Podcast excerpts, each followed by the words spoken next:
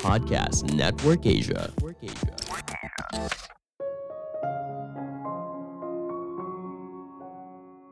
Situasi yang berbeda membutuhkan persona yang berbeda. Namun ini bukan berpura-pura, tapi versi terbaik kita yang terpendam. Halo semuanya, nama saya Michael. Selamat datang di podcast saya, Sikutu Buku. Kali ini saya akan bahas buku The Alter Ego Effect karya Todd Herman. Sebagai informasi, podcast Sekutu Buku sekarang bergabung dengan Podcast Network Asia dan Podmetrics loh. Sebelum kita mulai, buat kalian yang mau support podcast ini agar terus berkarya, caranya gampang banget. Kalian cukup klik follow. Dukungan kalian membantu banget supaya kita bisa rutin posting dan bersama-sama belajar di podcast ini. Buku ini membahas bagaimana menggunakan kemampuan alter ego untuk mencapai tujuan yang kita inginkan. Setiap orang pada dasarnya punya banyak persona atau sederhananya punya banyak topeng. Kita menjadi orang yang berbeda tergantung situasi dan kondisi. Misalnya, ketika kita di rumah, kita menjadi seorang anak yang penurut. Namun ketika di kantor, kita menjadi atasan yang harus membimbing sebuah tim yang besar. Tentu saja hal ini membutuhkan persona yang berbeda namun perlu diingat, kita tidak berusaha menjadi orang lain, tapi kita berusaha melepaskan sisi terpendam untuk mencapai apa yang kita inginkan dalam hidup. Saya merangkumnya menjadi tiga hal penting dari buku ini. Pertama, apa itu alter ego? Waktu kecil, apakah kamu pernah memakai selimut yang diikat di leher, menyerupai jubah superhero, dan berpikir kalau kamu adalah seorang superhero? Atau mungkin kamu pernah bermain masak-masakan dan berperan sebagai koki profesional. Itu adalah keindahan saat kita masih kecil, dan semakin kita mendalami peran tersebut, maka permainan itu akan semakin menyenangkan. Namun, apa yang terjadi setelah dewasa? Kita menjadi orang yang membosankan. Todd menjelaskan kalau kita bisa menggunakan kemampuan alter ego untuk mencapai mimpi yang kita inginkan. Kata alter ego berasal dari seorang ahli filsafat Romawi bernama Cicero, yang berarti saya yang lain atau teman setia. Sebuah alter ego juga bisa dikatakan sebagai sebuah persona seorang. Namun perlu diingat, alter ego itu bukan artinya kita berpura-pura menjadi orang lain, tapi bagaimana kita melepaskan sisi terpendam karena kita terlalu sibuk mendengarkan pendapat orang lain. Apakah kamu pernah nonton film Superman? Jika pernah, maka kamu pasti pernah melihat Clark Kent yang masuk ke dalam bilik telepon lalu keluar sebagai Superman. Tapi, yang mana dari dua karakter tersebut yang merupakan alter ego? Apakah Clark seorang manusia biasa seperti kita, atau Superman yang kuat, perkasa, dan punya tugas untuk melindungi dunia? Kebanyakan orang menjawab kalau Superman adalah alter ego dari Clark, tapi kenyataan justru sebaliknya. Superman adalah kepribadian utamanya, sedangkan Clark adalah alter ego yang diciptakan oleh Superman. Nah, kenapa begitu? Superman perlu menciptakan orang biasa seperti Clark agar dia bisa berbaur dan hidup di dunia manusia tanpa dicurigai siapa pun. Hanya melalui Clark, Superman baru bisa memahami bagaimana menjadi seorang manusia.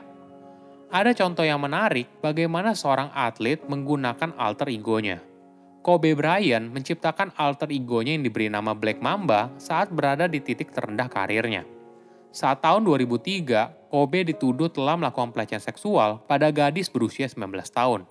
Kasus ini sangat berdampak besar pada kehidupan pribadi dan juga karir basketnya. Hingga akhirnya, Kobe mendapatkan inspirasi dari film Kill Bill yaitu ular Black Mamba. Ular tersebut mampu bergerak dengan cepat dan seketika membunuh musuh yang diinginkan. Itulah yang Kobe lakukan, dia membagi dirinya menjadi dua bagian. Kobe yang ditugaskan untuk menghadapi semua tantangan dalam kehidupan pribadinya, sedangkan Black Mamba fokus bermain di lapangan basket. Hanya dengan cara ini, Kobe mampu bangkit dari titik terendahnya dan tidak mencampurkan kehidupan pribadi dengan kehidupan profesional.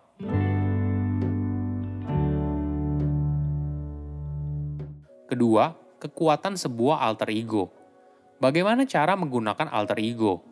Kita harus membedakan bagaimana kamu melihat dirimu sekarang dan bagaimana kamu ingin bekerja. Todd menjelaskan, banyak orang bercerita bagaimana alter ego bisa melindungi mereka, namun baru sadar ternyata alter ego tersebut merupakan diri mereka selama ini atau sosok yang mereka inginkan di masa depan. Riset juga membuktikan manfaat dari berpindah dari satu identitas ke identitas yang lain. Sebuah riset dari University of Minnesota menemukan kalau orang tua ingin mengajarkan seorang anak tentang kegigihan, maka mereka harus mengajarkan anak mereka untuk menjadi sosok seperti Batman atau karakter favorit anak yang lain. Hal ini akan menciptakan jarak psikologi antara diri mereka saat ini dan sosok alter ego yang mereka kagumi. Riset membagi sekelompok anak menjadi tiga bagian. Anak di grup pertama diminta untuk berperan sebagai karakter favorit mereka. Bahkan, mereka diberikan jubah agar bisa mendalami perannya sebagai Batman anak di grup kedua diminta untuk membayangkan kalau mereka adalah superhero favorit mereka sendiri. Sedangkan anak di grup ketiga tidak diminta melakukan apa pun. Peneliti lalu menaruh mainan ke dalam sebuah gelas kaca yang terkunci dan memberikan anak-anak itu kunci yang banyak.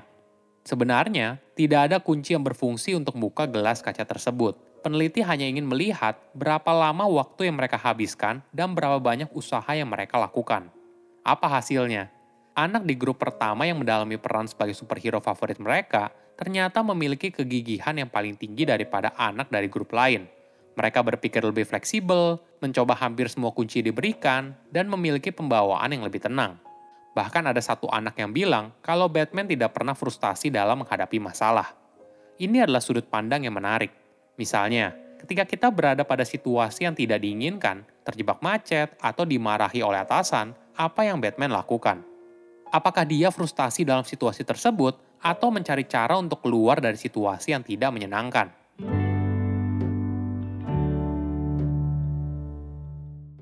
Ketiga, cara alter ego bekerja.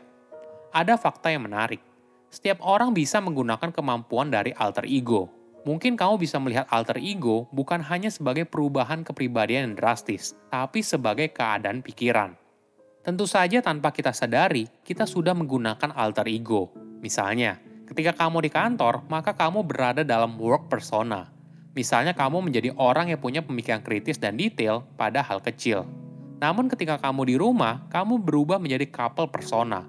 Kamu menjadi orang yang manja dengan pasanganmu. Setiap situasi yang berbeda membutuhkan peran yang berbeda. Sebelumnya kita sudah bahas bagaimana sebuah jubah bisa membuat seorang anak kecil berpikir kalau dirinya adalah Batman. Kita juga bisa menggunakan hal itu.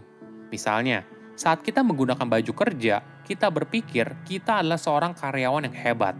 Atau ketika kita memakai baju olahraga, kita langsung berpikir kalau kita adalah seorang atlet yang sukses. Perbedaan baju yang kita gunakan bisa menjadi penanda bagi otak kita kalau kita sedang berada dalam persona tertentu. Inilah yang membuat banyak orang kadang merasa tidak semangat ketika bekerja di rumah. Saat itu, mereka hanya memakai pakaian tidur dan bekerja dari tempat tidur. Hal ini membuat otak mereka tidak mengasosiasikan situasi itu dengan bekerja. Coba ketika bekerja dari rumah, kamu bersiap dan menggunakan pakaian yang biasa kamu gunakan ke kantor. Selain itu, coba cari lokasi untuk duduk nyaman di luar dari tempat tidur, sehingga otak kamu bisa mengasosiasikan kondisi tersebut sebagai bekerja. Alter ego bukan berpura-pura menjadi orang lain, tapi kita melepaskan sisi terpendam dalam diri untuk mencapai tujuan yang kita inginkan. Saya undur diri, jangan lupa follow podcast Sikutu Buku. Bye-bye. Pandangan dan opini yang disampaikan oleh kreator podcast, host, dan tamu tidak mencerminkan kebijakan resmi dan bagian dari podcast Network Asia. Setiap konten yang disampaikan mereka di dalam podcast adalah opini mereka sendiri dan tidak bermaksud untuk merugikan agama, grup etnik, perkumpulan, organisasi, perusahaan, perorangan, atau siapa pun dan apa pun.